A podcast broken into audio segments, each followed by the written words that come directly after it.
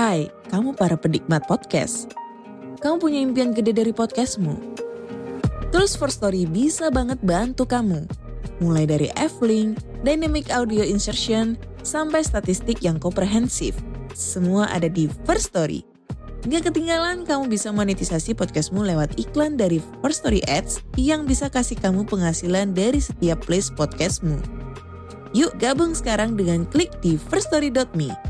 Sekali lagi, klik di firststory.me. Mari kita bawa mimpi podcastingmu menjadi kenyataan. Saat ini, ketika kamu sedang mendengar atau menonton informasi ini, apakah kamu benar-benar hadir di momen ini, atau kamu sambil mengerjakan hal lain? Jika kamu fokus di momen ini, selamat dan terima kasih sudah memperhatikan. Di era sekarang, rentang perhatian kita semakin lama semakin pendek. Kita mungkin pernah mengalami kesulitan ketika sedang bekerja atau belajar tapi tidak lama kemudian, kita tergoda untuk membuka media sosial atau berpikir hal lain. Skenario ini sering terjadi ketika kita berusaha mengerjakan hal besar. Semakin besar sebuah tugas, kita cenderung punya dorongan untuk menunda. Inilah kenapa kita perlu belajar untuk fokus pada momen ini saat ini. Halo semuanya, nama saya Michael. Selamat datang di channel saya, Sikutu Buku. Kali ini saya akan bahas buku The Practicing Mind karya Thomas M. Sterner. Buku ini membahas kalau kita perlu belajar untuk hidup di saat ini. Tentu saja tidak mudah namun perlu dipahami, hidup terlalu singkat untuk dihabiskan dengan kecemasan atas masa depan atau penyesalan masa lalu. Alhasil, kita gagal menikmati hidup yang kita jalani sekarang. Penulis menjelaskan perumpamaan sebuah bunga dan setiap tahap kehidupannya. Hanya karena bunganya belum mekar dan berwarna cerah, bukan berarti bibit bunganya tidak bagus. Saat pertama kali bertunas di dalam tanah, bibit tersebut bukannya tidak sempurna karena hanya menampilkan warna hijau. Pertumbuhan bunga mengikuti proses di mana setiap tahap harus diselesaikan sebelum tahap berikutnya dimulai. Bunga tersebut harus bertunas dulu sebagai benih jauh sebelum mulai berbunga. Pada akhirnya, kita perlu lebih sadar atas apa yang kita lakukan, apa yang kita pikirkan, dan apa yang kita capai agar kita bisa mengendalikan hidup yang kita jalani. Saya merangkumnya menjadi tiga hal penting dari buku ini. Pertama, kenapa kita sulit fokus? Kadang tidak peduli seberapa hebat kamu di suatu bidang, pasti ada orang di luar sana yang lebih hebat. Bagi sebagian orang, kenyataan ini membuat mereka frustasi dan membentuk perilaku kita terhadap berbagai aspek dalam hidup. Tapi kenapa sebenarnya kita bisa frustasi? Jika ada satu kekurangan bersama yang dimiliki manusia, adalah kita sering kali berusaha mengejar sesuatu yang tidak mungkin diraih. Kita semua punya gambaran di benak kita soal hidup sempurna itu seperti apa Alhasil, hidup yang kita jalani terasa tidak cukup sebagai perbandingannya. Ada yang ingin pekerjaan yang lebih baik, ada yang ingin punya lebih banyak teman, ada yang ingin mengubah penampilan, dan sebagainya. Tentu saja, ekspektasi yang tinggi tidak selamanya buruk. Gambaran hidup yang lebih baik bisa menginspirasi kita untuk bekerja keras dan menghasilkan hal lebih. Sayangnya, gambaran tersebut justru kita gunakan sebagai bahan perbandingan kita membandingkan kinerja kita dengan kinerja rekan lain di kantor. Ketika kita melihat diri kita di cermin, kita membandingkannya dengan penampilan orang lain. Di sisi lain, ketika kita berhasil mencapai apa yang kita mau, bukannya puas, kita malah meninggikan ekspektasi yang mendorong kita untuk mencapai hal lebih lagi dalam hidup. Alhasil, sosok ideal yang kita impikan semakin jauh, dan kita terperangkap dalam pengejaran sebuah tujuan yang tiada henti.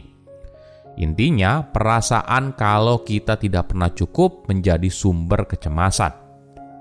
Ada yang aneh, semakin mendekati deadline, kita justru semakin tergoda untuk menunda pekerjaan. Fokus kita menurun ketika kita membayangkan ada pekerjaan sulit yang harus dikerjakan. Kenapa? Karena kita terlalu terpaku pada hasil akhir, yang sering kali terasa jauh tidak peduli seberapa keras kita bekerja. Alhasil, kita jadi merasa down dan merusak produktivitas. Jadi, daripada sibuk memikirkan konsekuensi di masa depan, lebih baik kita fokus pada apa yang ada sekarang dan berusaha yang terbaik. Berpikir soal tujuan yang besar bisa membuat kita merasa takut dan cemas, yang pada akhirnya bisa mengalihkan kita dari pekerjaan yang harus dikerjakan sekarang. Tapi, ketika kita bisa mengarahkan fokus pada saat ini, maka kecemasan kita soal masa depan akan turun secara signifikan. Alhasil, kita mulai membuat kemajuan dan selangkah lebih dekat dengan apa yang kita inginkan. Perlu diingat, bukan artinya tujuan besar itu tidak penting. Tapi ketika kita menggunakan tujuan besar sebagai penanda progres yang dibuat, kadang hal ini malah membuat kita demotivasi. Tujuan lebih baik digunakan sebagai penunjuk arah yang mengarahkan kita ke jalan yang benar. Kedua, ketika ekspektasi tidak sesuai dengan realita. Apabila ekspektasi yang tinggi membuat kita tidak bahagia dan tidak produktif, apakah kita perlu menurunkannya? Sebenarnya, kita bebas untuk bermimpi sebuah tujuan besar yang ambisius selama kita bisa membaginya menjadi tujuan kecil yang bisa dicapai. Misalnya begini, bagi sebagian orang membersihkan rumah merupakan sebuah pekerjaan yang besar dan sering kali dihindari. Mendengarnya saja sudah membuat kita malas, apalagi mengerjakannya. Nah, bagaimana bila kamu menciptakan tujuan yang lebih kecil? Misalnya, hari ini kamu hanya fokus membersihkan lemari di kamar tidur. Sekarang mungkin persepsinya sudah berbeda. Kita menciptakan sebuah tujuan yang jauh lebih mudah dan bisa dicapai. Jika kamu sudah selesai membersihkan lemari, berikan waktu agar dirimu bisa menikmati hasil jeripayahmu sebelum melanjutkan ke sesi bersih-bersih rumah berikutnya. Kamu juga bisa memasang tenggat waktu untuk mengerjakan sebuah tugas. Misalnya, kamu meluangkan waktu 30 menit untuk membersihkan lemari.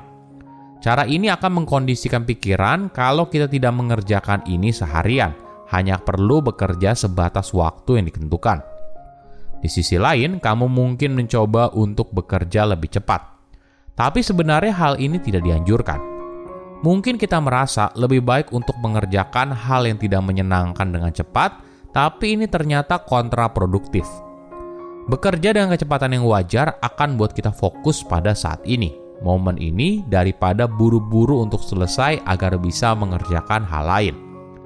Buru-buru akan buat kita jadi stres, dan stres hanya akan menurunkan kinerja. Ketiga, tips fokus bekerja. Nah, bagaimana cara kita berhenti menunda pekerjaan ketika berada dalam tekanan? Penulis menjelaskan teknik tiga langkah, yaitu do, observe, dan correct. Misalnya begini, kamu sedang belajar untuk ujian kenaikan kelas dan kamu mulai menunda untuk belajar. Mulailah dengan menyadari setiap kali kamu ingin meraih handphone untuk membuka media sosial, atau ketika kamu membuka halaman browser yang tidak ada hubungannya dengan apa yang sedang kamu pelajari. Lalu mulailah mengamati apa yang kamu rasakan. Ternyata ada rasa cemas kalau kamu justru mendapat nilai yang jelek. Tipsnya adalah jangan terlalu emosional atau menghakimi diri atas apa yang kamu lakukan. Coba posisikan diri kamu sebagai penonton. Cara ini akan buat kamu jadi lebih objektif dan memahami kalau perasaan ini justru tidak membantu. Terakhir, kamu perlu melakukan langkah perbaikan untuk membebaskan diri dari perasaan negatif dan takut sebisa mungkin. Cara ini memang tidak mudah, tapi ketika kamu terbiasa melakukannya, maka kamu jadi semakin peka dan membantu kamu untuk mencapai tujuan yang besar. Silahkan komen di kolom komentar pelajaran apa yang kalian dapat ketika baca buku ini. Selain itu, komen juga mau buku apa lagi yang saya review di video berikutnya.